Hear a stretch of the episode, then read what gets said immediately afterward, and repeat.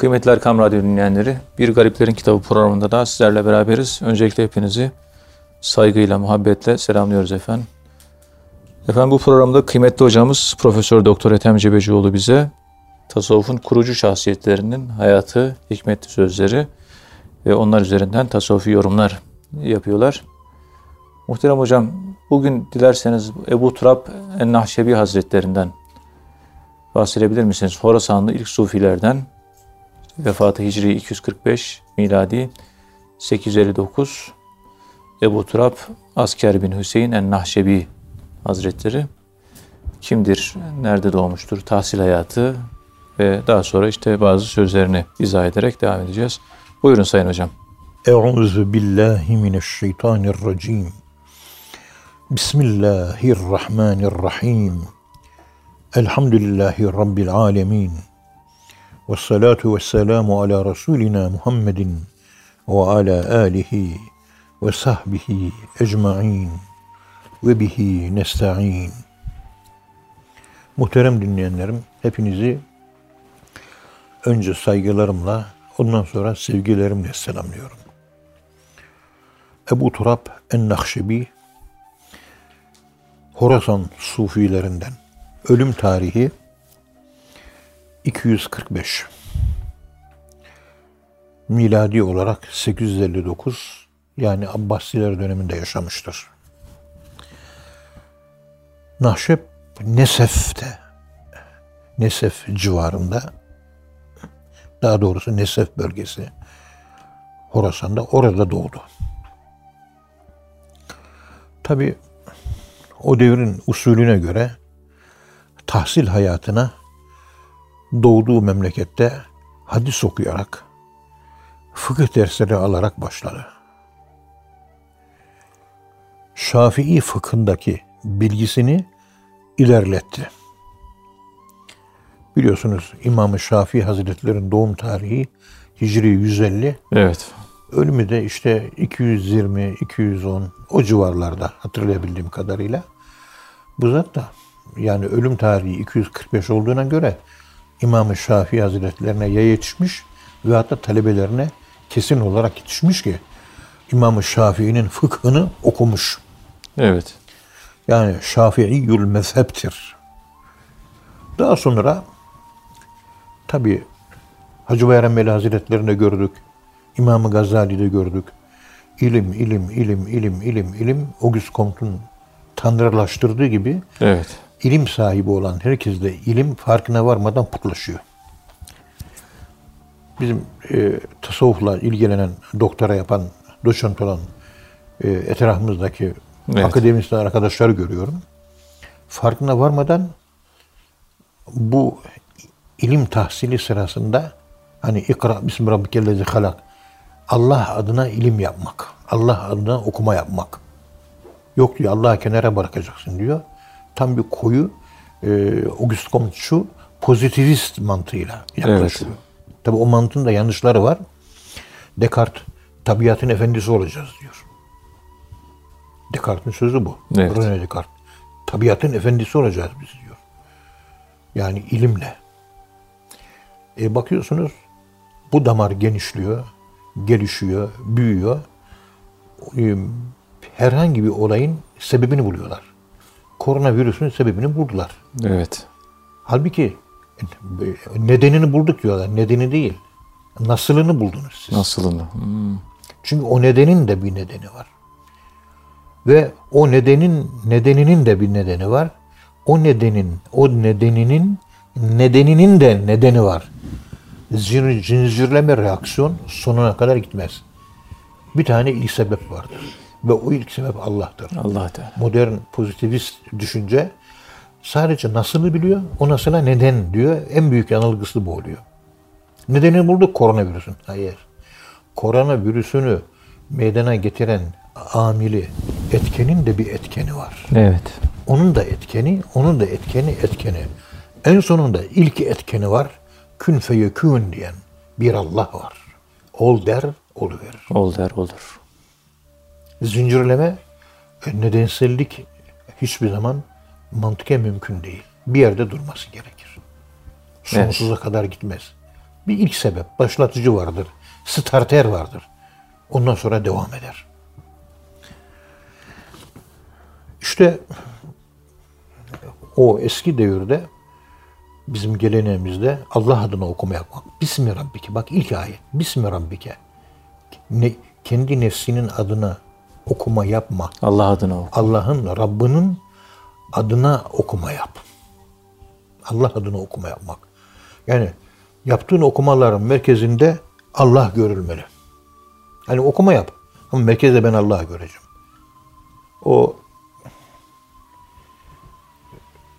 meşhur bir Türk fizikçisi vardı. Oktay Sinanoğlu. Evet. Şöyle 350-400 sayfalık hayatı var.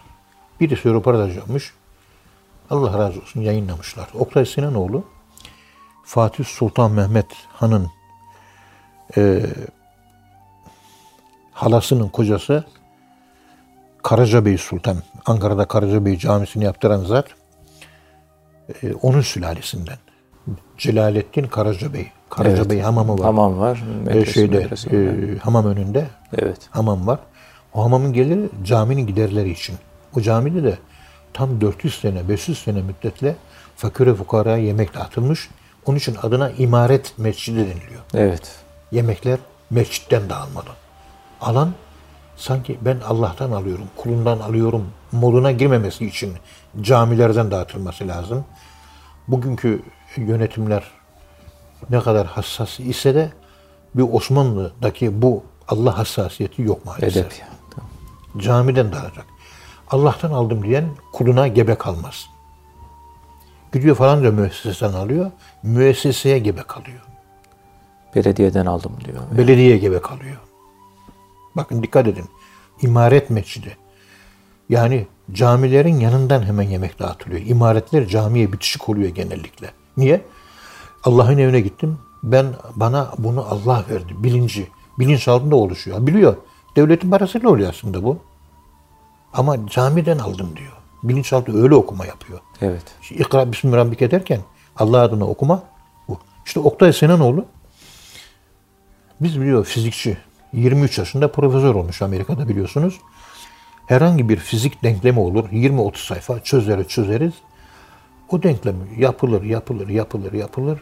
En sonunda sıfır çıkarsa denklem doğru demektir. Doğrudur. Yani. Sıfırı bulana kadar uğraşırız diyor. Sıfırı bulacağız ille diyor. Bulamazsan denklemde bir yerde yanlış var. Einstein dahi E eşittir mc kareyi bulunca, bulurken Zürih e, Fizik Akademisi'nde e, bilim adamları 200 kişinin önünde tahtada yapmış olduğu o denklemler arda arda siliyor yapıyor, siliyor yapıyor. Önce epey bir zorlanmış. Sıfırı bulacak. Yani bulmuş zaten. Evet. Ama ispatlamaya çalışıyor.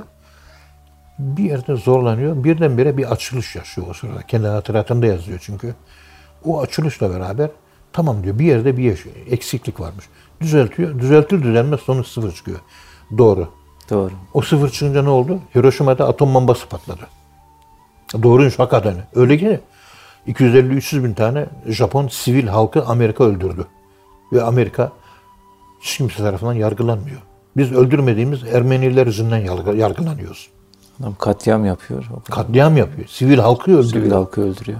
Hiçbir kitaplarda, yazarlarda, efendim önde gelen medyada şu göbeğinden Amerika'ya bağlı olan yazarlar bunları hiç yazmıyorlar. Yazmıyorlar. Göbeğinden Amerika'ya bağlı olanlar, kültürel olarak mankurtlaşmış bilim adamları bunları hiç gündeme getirmiyor. Ondan sonra yok şimdi Ermenistan'da yok Suriye'de sivil halktan birisinin burnu kanamadı diyor. Onu araştırıyor. E, burada 300 bin adam öldürdü. Onu niye sorgulamıyorsun? Fransa, Afrika'da o kadar insan. Adam öldürdü hiç sorgulanmıyor. Evet. Yani iki, iki kere iki dört etmiyor evladım. Bu dünyada ahirette dört edecek. Ahirette dört edecek. Burada etmez. Evet. Burada iki kere iki daima 86 etmeye adeta mahkum gibi gözüküyor. Yok etmiyor. Etmiyor. Bakın basit bir örnek verdik. Şimdi yani Allah'ı merkeze almak. Sıfır, yokluk, hiçlik değil. Yani bilinmeyen, den bilinenler çıktı. Evet. Onu merkeze alırsanız sizin bu dayanak noktanız bu hareket noktanız sizi doğruya götürür. Sabitiniz olmalı ve bu da Allah olmalı. Şayet siz bu sabitinizi kaybederseniz değişkenlerinizde kaos başlar. İnsanların hayatları kaotik. Yani değişkenleri kaotik. Niye? İnsanlar Allah'ı kaybetti. Müslümanlar bile Allah'ı kaybetti. Allahsız Müslümanlık yaşıyoruz. Evet. Allah nerede? Allah hiçbir yerde. Ne e, evde var, ne sokakta var, ne ekonomide var, ne ticarette var, ne siyasette var. Hiçbir yerde Allah gözükmüyor. Bir iki teknik gördüğümüz yerler oluyor. Belli şahıslarda görebiliyoruz ama %99,99'u maalesef hiçbir yerde Allah gözükmüyor. Müslümanlık hani Müslüman olmayanlarda gözükmez Allah da. Müslüman olanlarda da gözükmüyor. İşin tuhafı bu. Takva yolunu seçmiş, seçkinler yoluna girmiş insanlarda da bu Allah'ın yokluğu söz konusu. Ne zaman Allah'ı ispat edeceğiz? İlla, illallah. Ne zaman Allah girecek evet. hayatımıza? Yani yeryüzünde Allah diyen kalmayınca kıyamet kopar. Diliyle Allah diyen var. Bu manada Allah diyen kalmadı artık. Kıyametin kopması komplo teorisi olarak söylemiyorum ama herhalde yakın gibi. Öyle gözüküyor. Yani tarih bilemeyiz. Bilemeyiz evet. Yani biz Mehdilere de bel bağlamıyoruz. Kendi amelimizi de bel bağlamıyoruz. Sadece tevekkeltü alallah. Hazreti Yakup Aleyhisselam'ın dediği gibi ve aleyhi felyetevekkelül mütevekkilun diye Yusuf suresinde bahsettiği gibi ona dayanıyoruz. Tek güvencimiz o. Ondan başka bir şey yok. O zaman yolda yürüyebiliriz. Problem yok. Tevekkeltü alallah. O kadar. Evet. Bitti. Kendimize bile güvenmiyoruz. Güvenemiyoruz. İşte Allah adına okuma yapıyorlardı. Ebu Turat Nahşebi zamanında. Evet. Yani e, bugünkü pozitivistlerin, akılcıların düştüğü gibi e, nasılını bulduğu şeye neden demiyordu eskiden. Bugün bilimin yaptığı iş nasılları bulmak. Nasılı buluyor, nasıl oluyor? Nasıl medeni, nasıl? Tamam bu, bu. Ama o nedeni ne? Neden? O nedenin nedeni ne? Ve ilk sebebe kadar bu nasıl gidiyor? Eskiden ilimler öğretilirken Allah merkeze alınır. Bismi Rabbike Allah'ın adına ilim yapılırdı. Bugün e, tasavvufçu akademisyenlerden bile ben duydum. İlim yapacağın zaman Allah'ı, dinini, kitabını, her şeyini bir tarafa koyacaksın imanını. Ya bunu o güç komşu pozitivistler, Allah'ı inkar eden, ilmi put haline getirenler söylüyor bu lafı. Sen tasavvuf profesörüsün. Evet. En akıllı sensin. Sen bunu, sende bunun farkındalığı yoksa geride gelen bu bu avam ne yapsın yahu? Allah adını okumak. Akıl var ama fikir yok vahidciğim. Evet. Akıl var bol. Kütüphaneler kitap dolu. Akıl dolu. Ama yorulmayacak fikir yok. Kafa yok. Evet. Allah var, her şey var. Allah yok, hiçbir şey yok. O ilk sebebe inemediğiniz müddetçe ne ilim kalır, ne irfan kalır, ne iman kalır, ne İslam kalır. Hiçbir şey kalmaz. İlk sebep. O kadar. Allah'ımız bizim Allah'ımız. Allah'ımız bizim her şeyimiz, canımız. Sımsıkı sana yapıştık ya Rabbi. Sensin, sensin Kerim. Senin dışında herkes kazık atabilir. Senin dışında herkes bizi yiyebilir. Senin dışında herkes bizi ezebilir. Senin dışında herkes bizi öldürebilir. Senin dışında herkes bizi dışlayabilir. Ama senin kapın ümitle, ümit çiçekleriyle dolu. Biz senin kapındayız. Açsan da kapındayız. Açmasan da kapındayız. Kapı, ümit kapısı çünkü. Başımı koydum. Kaldırmıyorum ya Rabbi. Başka kapı yok. Kovsan da gitmiyorum. Bitti o kadar. Ne yapayım idare et. Bugün günahlarım var ama ne yapayım ben de bir insanım. Yani ben de bir günahkarım. Ben melek değilim. Melek yaratmadım beni. Yani bir anne çocuğu yaramazlık yapınca ne yapıyor? Affediyor değil mi? Affeder. Gülüyor bilmem ne yapıyor. Hafifçe bir vuruyor. Kulağını çekiyor. O kadar. Bu annenin merhametinden daha fazla merhamet yok mu bu Allah'ın? Evet. İnsanları biz niye ümitsizliğe sevk ediyoruz? Ama insanların içinde bir Allah arayışı olması lazım. Allah arayışı olmayan da bu ümit kapıları açılmaz. Çaba olması gerekiyor. Çaba olması gerekiyor. Allah bana bir adım gelmez sana on adım geleyim. Yürüyerek gel, koşarak geleyim. Bir karış gel, sana bir kucak geleyim diyor. Kucaklayayım seni diyor. Sevgili, sevgililer kucaklar. Sevdiğinizi kucaklamanız lazım. Dünyevi sevgilileri de biz kucaklıyoruz. Evet. Bir adam geliyor merhaba diyorum ben. Yine bir adam daha geliyor kucaklıyorum. Dede niye böyle yaptın diyor bizim Sami.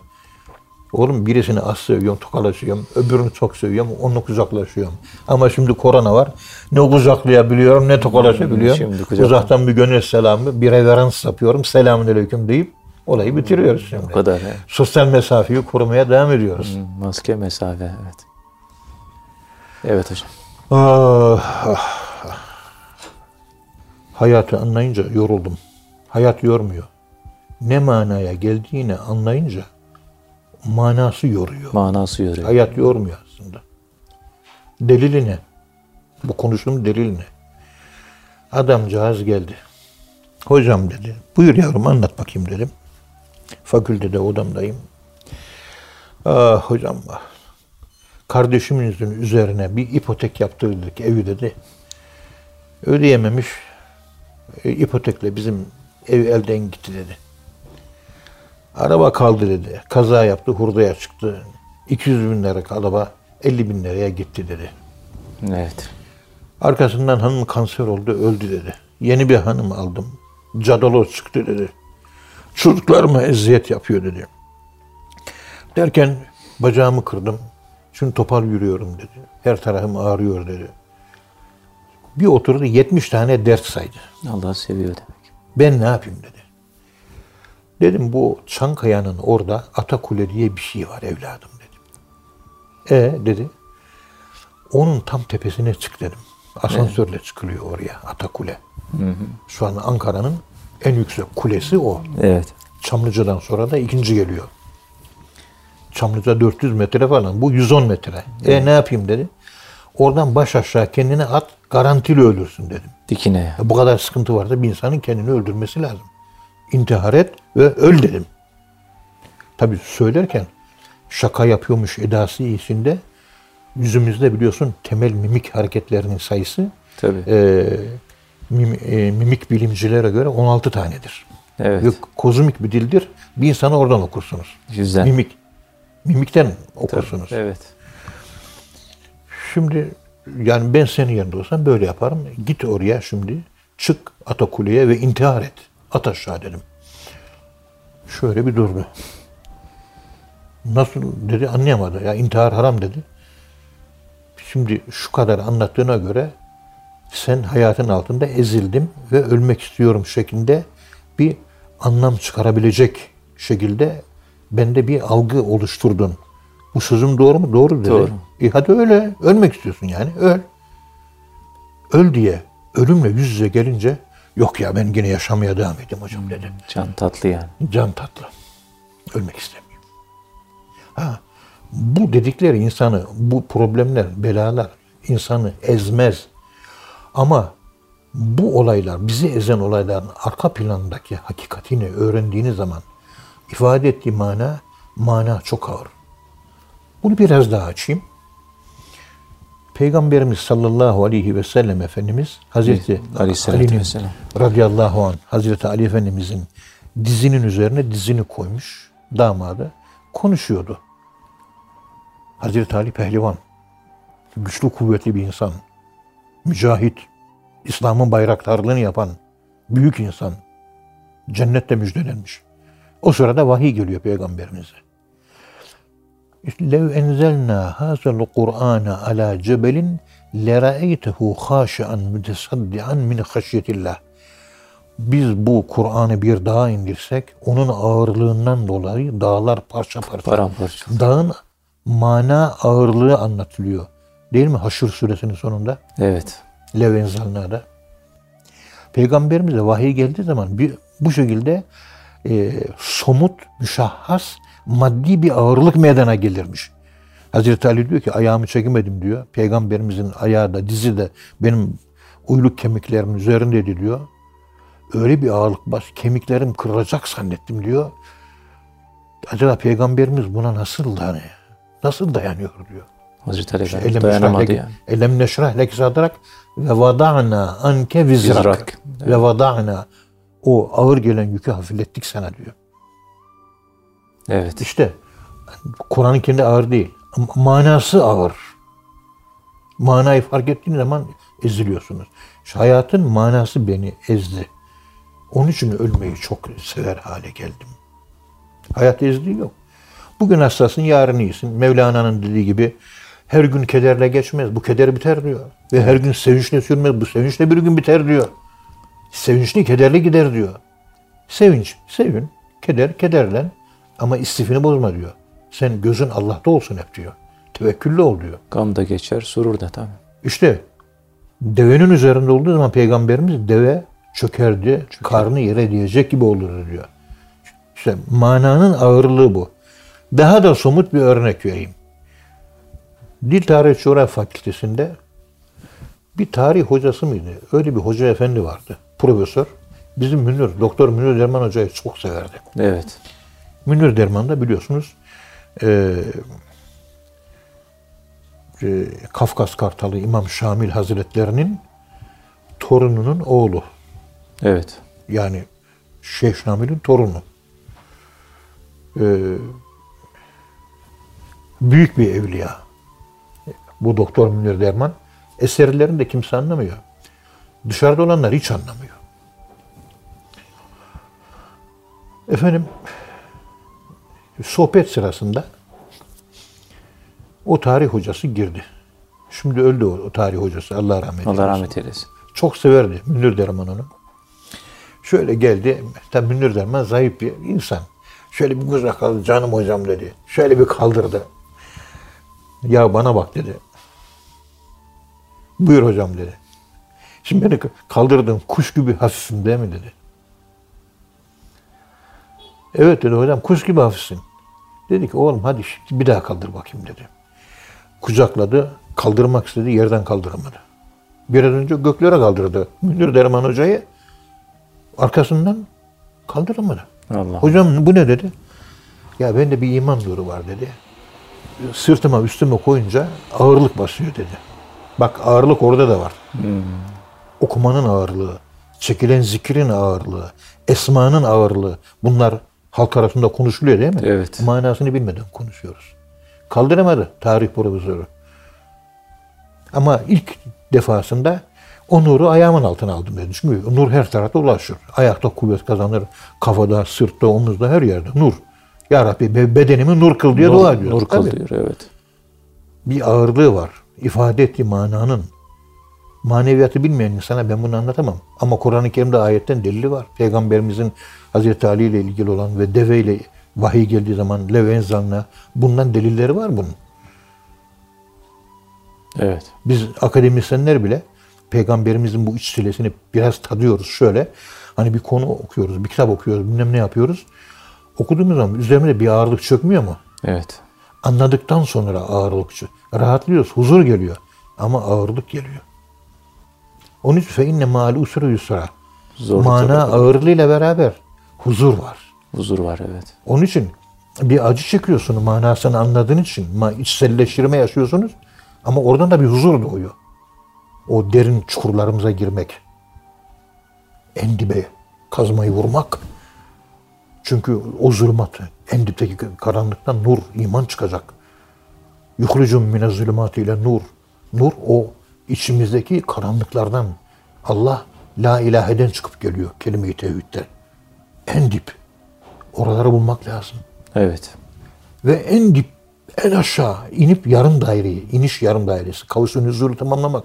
Ondan sonra kavsu uruç, yukarı çıkış kavsi denilen ikinci Allahü Teala'ya yöneliş başlaması lazım. Aşağıya iniş hayat. Yukarı çıkış da ölüm. Ölüm. Allah'a yaklaştıkça ölüyoruz. Uzaklaştıkça dünya hayatı. Halbuki e, mecazi hayat indikçe başlıyor, hakiki hayat çıktıkça başlıyor. İkisi de hayat. Ve mevt kelimesi de hayat manasına geliyor. O da hayat, evet. Onun için öldükten sonra ölmüyoruz. Bir evden bir eve intikal ediyoruz. Ölen nefismiş diye bunları anlatmaya çalışıyoruz. Evet hocam. Biraz esrara daldık ama Allah razı olsun. e, ikinci bölümde İkinci devam edelim. inşallah devam ederiz. Kıymetli dinleyenler program birinci bölümün sonuna geldik. İkinci bölümde tekrar birlikte olacağız inşallah. Efendim şimdi kısa bir ara. Kıymetli Erkam Radyo dinleyenleri programımızın ikinci bölümünde tekrar birlikteyiz. Muhterem hocamız bize Ebu Turab en-Nahşebi Hazretlerin hayatından bahsediyorlar. Kıymetli hocam tabi birinci bölümde giriş yapmıştık. Yani Nahşep'te veya Nesef'te doğdu. Tahsil hayatına burada hadis ve fıkıh dersleri alarak başladı. Ve Allah'la okudu şeklinde demiştik. Dilerseniz kaldığımız yerden devam edebiliriz. Buyurun efendim. Euzu billahi mineşşeytanirracim. Bismillahirrahmanirrahim. Elhamdülillahi Rabbil alemin. Ve salatu ve selamu ala Resulina Muhammedin ve ala alihi ve sahbihi ecmain. Efendim, eski sufiler yani selef dönemi sufileri ilime dayamışlar. Evet. Burada şu var. Bu önemli.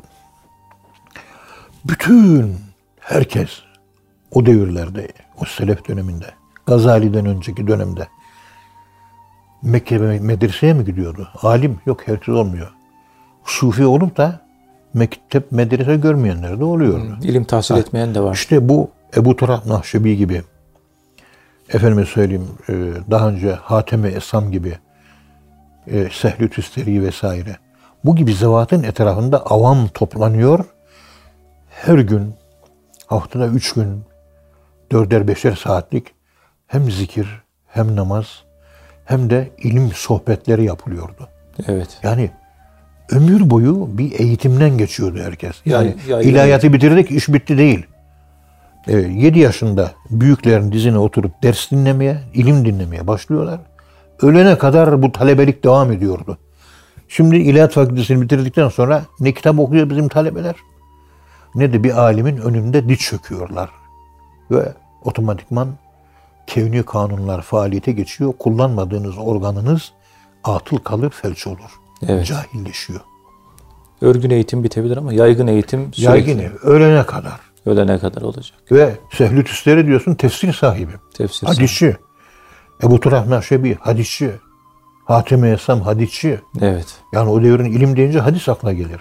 Alim insanlar, Kur'an'ı bilen insanlar ve ezberleyen insanlar, manasını bilen ve yaşayan, ihlas sahibi, takva sahibi, salih amelli insanlar, hasbi insanlar, hesabi değil. Bunların etrafında onların bilgisini alıyor. Onların halini de alıyor. Hem bilgisini alıyor hem de halini alıyor Evet. bilgini, bilgisini almak, halini almak. Yani benzeşiyor onunla. Evet. Onun gibi oluyor, onun rengini alıyor. Arkadaşını söyle, sana kim olduğunu söyleyeyim. Falanca sufinin sohbetinde yetiştim, onun rengini alıyor. Bir zamanlar unutmam. Osman hocamız Hüsnü Hoca bir de Nurettin Hoca diye iki tane şark ulemasından zatı İlam'da talebe yetiştirsin diye hoca olarak e, İstanbul'a getirtirdi. İstihdam etti. Veya İstanbul'dalardı. Onları hoca tuttu. Allah Evet. razı olsun. Onlara güzelce maaşlarını verdi. Hüsnü Hoca ehli tarik, yumuşak huylu, edep sahibi, terbiyeli, münakaşayı sevmez, sesi hafif, nazik, latif, kibar, muhterem, değerli bir zat. Evet. Saygı duyduğum insanlardan da Hüsnü Hoca. Doğuda muhterem bir Şeyh Efendi'nin de sanırım Haznevilerden bir halife idi kendisi. Öyle zannediyorum. Kesin bilgi olmamakla beraber. Nurettin Hoca da ehli takva, dindar, tasavvuf ehli değil. Münakaşayı sever, tartışmacı, alim, allame. O da aynı şekilde. Biri tasavvuf erbabı, öbürü tasavvuf erbabı değildi. Evet. Biri seyir usulünü bitirmiş, öbürü ya seyir usulünün başında ve hatta hiç daha girmemiş idi. Bu konuştuğum 1980'li yıllar. Evet. Osman hocamız daha böyle eğitim faaliyetlerini yeniye başlatıyor. Fakir ben de gidip oralarda sohbet ediyorum. Yani o yıllarda ayağımız alışıyor vesaire. Şimdi ikisinde talebesi var. Bakıyorum talebelerin biri geliyor, konuşuyoruz. Diyorum ki sen Nurettin Hoca'nın talebesi misin? Hocam nereden bildin? Ben bilirim, bilirim diyorum. Bir başkası görüyor, konuşuyorum. İran'da talebe bunlar. Siz de Hüsnü Hoca'nın talebesi misiniz? Evet hocam nereden bilirim? Bilirim evladım, bilirim diyor. Kim geldiyse isabetsizlik kaydetmedim. Hmm, rengini almış. Nurettin Hoca'yı okuyanlar o da alim, o da alim. İkisi de muhterem zat. Ama biri seyri sülük görmüş. inisiyasyon geçirmiş. Tekamül, manevi tekamül. Evet. Öbürü ya yeni veyahut da hiç girmemiş. Şimdi kime kim denk gelirse ona bakıyorsun e, hakikaten yumuşak veya sert. Yumuşaksa Hüsnü Hoca'nın talebesi, sertse Nurettin Hoca'nın talebesi. Bu şekilde ta o zamanlar dikkatimi çekmişti. Demek ki hoca seçerken dikkat etmek lazım. Evet. Hocanın merhametlisinden ders almak lazım. O bizim doçent Bartın'daki Muhammed'in bir lafı var. Hoşuma gitti. Hocam dedi ben ders verirken talebelere şöyle söylüyorum. İlim veren hocamı, heyecan veren hocama. Cevap, heyecan veren hocayı seçin. Çünkü ilim veren hoca her yerde var. Her yerde. Ama heyecan veren hoca bulamazsınız. Evet. Bulursanız onlara talebe olun. Güzel. Doğru bir laf. Evet, merhametli ilim adamı kalmadı artık. 5 yaşında çocuklar gibi koskoca profesörler kavga ediyor. 5 yaşında çocuklar gibi. Evet. Bir pedagojik psikoloji e, manzarasıyla karşı karşıya kaldığımız çok olaylar yaşadık. Bu 70 senelik ömrümde. Evet. Maalesef. Tecrübe ile konuşuyorum bunu. Gördüğümü konuşuyorum. Falan da kitabın Faransa satırından değil. Sadırdan konuşuyorum. Evet. Maalesef. Hacı Bayram Veli Hazretlerinin tarikata girişi şöyle oldu. Ankara'da Kara Medrese var. Sümerbank'ın karşısında Taşhan vardı. Dili hala ismi Taşhan diye yazar ama tabi medrese yıkılmış, o han yapılmış. Orada o medresede Hacı Bayram Veli Hazretleri e, müderrislik yapmış. O medreseyi yapan da Mevlana Celaleddin Rumi Hazretlerinin oğlunun kızı e, Melike Hatun. Melike Hatun. Mevlana Hazretleri'nin torunu. Kara Medrese'yi yapıyor. Hacı Bayram da orada müderrislik yapıyor. Bak ne Evet. güzel tuhaflıklar. Yaşı 50'yi bulmuş. Hatta 55'i bulmuş. Bunu rahmetli Emin Acar Hoca'yla da paylaştım. Doğrudur dedi. Tasavvufa yani 30-40 yaşlarında girmek lazım. Biraz olgunlaşmak lazım dedi. Ama Hacı Bayram Veli Hazretlerinin dedi 50-55'li yaşlarda ancak tasavvufa geç girmiş tasavvuf yoluna.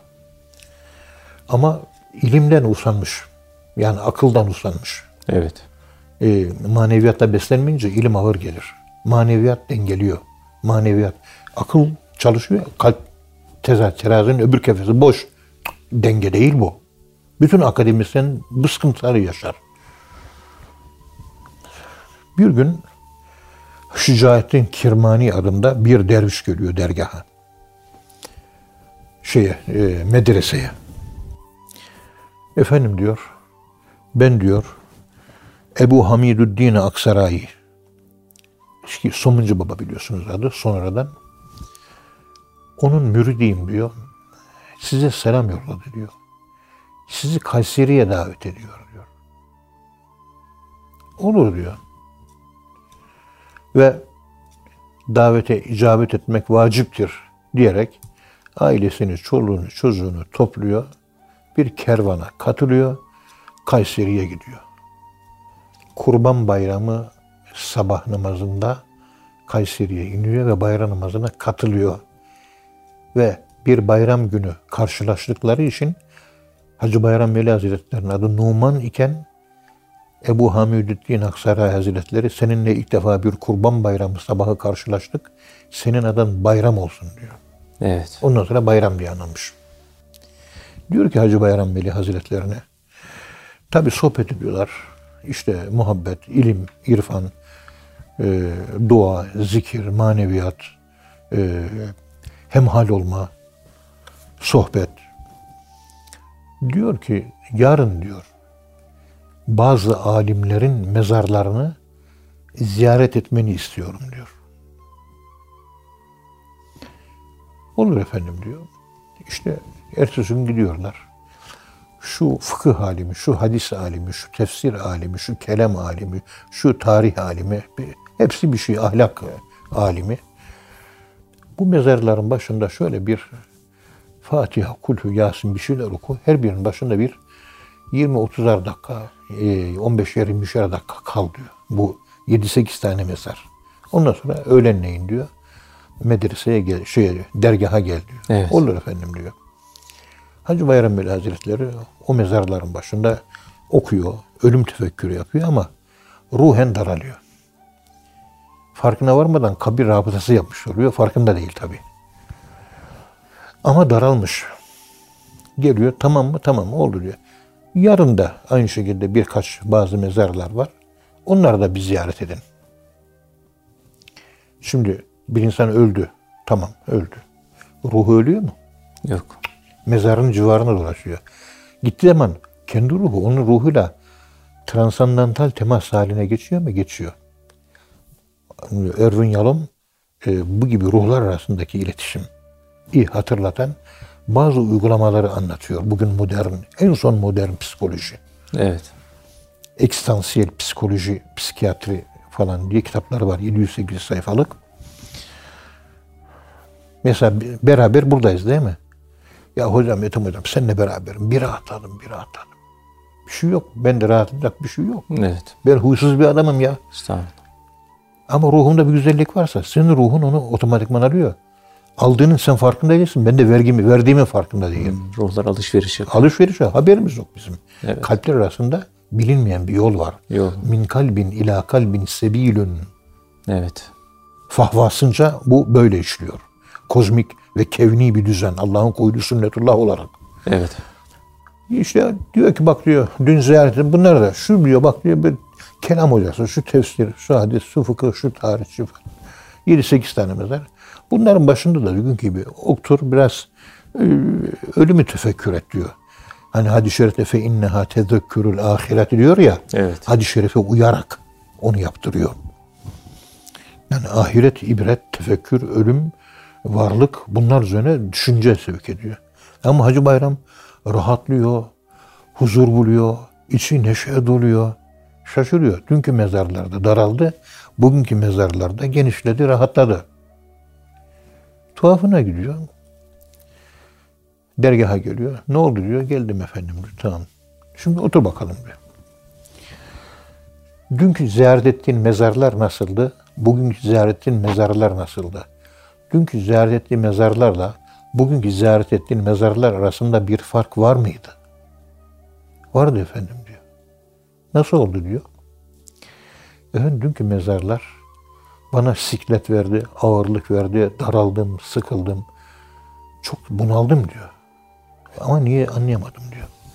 Peki bugünkü mezarlarda ne oldu diyor. Bugünkü mezarlarda diyor bir açılma, kilitlerim söküldü, rahatladım, derinliklerimi yaşadım, huzurumu gördüm, kendimi buldum, varlığı fark ettim, sevinçli, neşeyle doldum diyor. Evet. Ebu Hamidüddin Aksarayi yani Sumuncu Baba diyor ki bak dünküler de alimdi, bugünküler de alim diyor. Aralarında demek bir fark var. Nedir efendim o diyor? Dünkü alimler tasavvufi seyri sülük çıkartmamış manevi olgunlukları yoktu. Yani akıllarını kalplerine indirememişler. Kalpten gelen ışık akıllarını aydınlatmamıştı dünkü alimler. Tasavvuf terbiye, tarikat, seyri sülük, manevi eğitim böyle bir manevi eğitimden geçmediler diyor. Evet. Ama bugün ziyaret ettiklerin hepsi tasavvufi yolda seyri sülük çıkarttılar. Manevi eğitimden geçtiler. Kendilerini yetkinleştirdiler. Akıllarını kalpleriyle birleştirdiler. Kalpten gelen ışık akıllarını aydınlattı diyor. Huzurluydu diyor. Şimdi sana soruyorum. Ee, Numan Efendi diyor Hacı Bayram'a.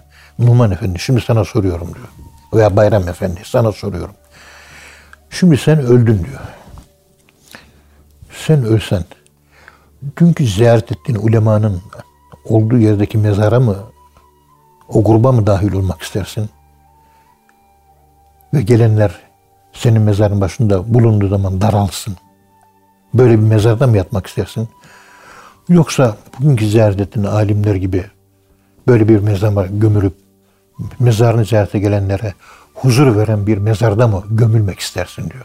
Diyor ki bugünkü ziyaret ettiğim mezarda defnedilen insanların olduğu yerde ben de defnedilmek isterim. Huzur var çünkü diyor. O zaman Hacı Bayram diyor. Gel bizim tarikatımıza gir artık diyor. Sen de bugünkü alimler gibi tasavvufi sevrisini çıkar. Mezarına gelen herkes huzur bulsun diyor. Hacı Bayram'ın işte ene ed'ukum ilel İslami ala basiretin dedikleri bu. İknayı yani mayotik metotla kendi kendine kendi cevabını Hacı Bayram buldurtturuyor. Ter, hangisini ter, hangisi muhtarın ise anı ihtiyar eyle diyor. İbare bu. Semeratul Fuat'ta. Evet. Ee, Sarı Abdullah Efendi. Sarı Abdullah Efendi böyle anlatıyor Semeratul Fuat'ta. Hangisi muhtar, hangisi seçeneğin ise onu seç. Ona göre gel bize insaf et diyor. Tamam diyor. Ondan sonra derviş oluyor. Evet. Derviş olunca müderrisliği bırakıyor mu? Yok. Bırakmıyor. Mü- müderrisliğe de devam ediyor. Allah dersine de devam ediyor. İki kanatlı kuş oluyor. Bugün ilahiyatçı akademisyenlerin hepsi tek kanatlı kuş gibi havada uçamıyorlar. Ortalığı tamamen karıştırıyor. Çözüm yerine problem üretiyorlar. Ekin ekmeye de devam ediyor. me- Medreseye de devam ediyor. Hepsini. İki kanatlı. Evet. O Muhammed Abduh öyle söylüyor. Ezher'den ümidimi kestim ben diyor. En sonunda şuna Zikeraya Tatlı Hatıralar adlı eserinde Muhammed Abduh'un kendi anlatıyor. Modernisttir bu adam. Tanta diyor o Ahmet Bedevi'nin mezarı diyor. Oraya bir cami yapacağım diyor. Sağ tarafta medrese kuracağım. Bütün dini ilimleri, Avrupa'daki ilimleri de, İslami ilmi, gelenek hepsini öğreteceğim diyor. Sol tarafta da tekke olacak. Orada da Allah'ı sevdireceğim. Allah eğitimi öğreneceğim diyor cami ikisini cem edecek akıl medresesiyle kalp tekkesi camide cem olacak ve ideal bir insan yetiştireceğim. Kafamdaki proje budur diyor. Anlayana sivrisinek saz, anlamayana etem hoca az. Evet. Allah razı olsun hocam. Kıymetli dinleyenler hocamıza çok teşekkür ediyoruz. Efendim bir programın daha sonuna geldik. Bir sonraki programda buluşuncaya dek hepinizi Allah'a emanet ediyoruz. Hoşçakalın efendim.